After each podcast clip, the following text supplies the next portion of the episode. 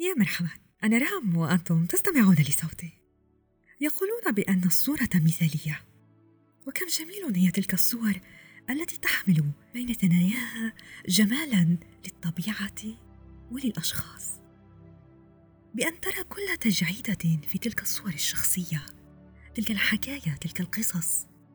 وكيف للإضاءات أن تلامس العمق عنفوان من الماضي عنفوان من الذكريات. تفيض به تلك الصور.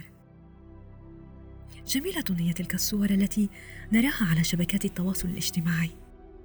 والأجمل هي أن تكون تلك الصور ذات معنى ذات حياة بأن تحرك شيئا من ذاكرتنا يعيد لنا جزءا قد تناسيناه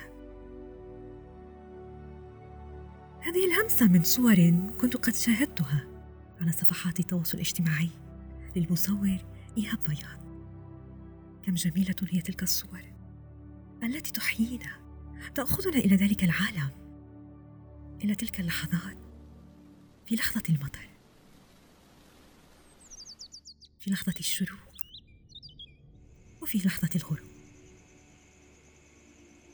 بين ثنايا الطبيعة والمباني هناك تكمن الحكاية وهذه همسة عن الصور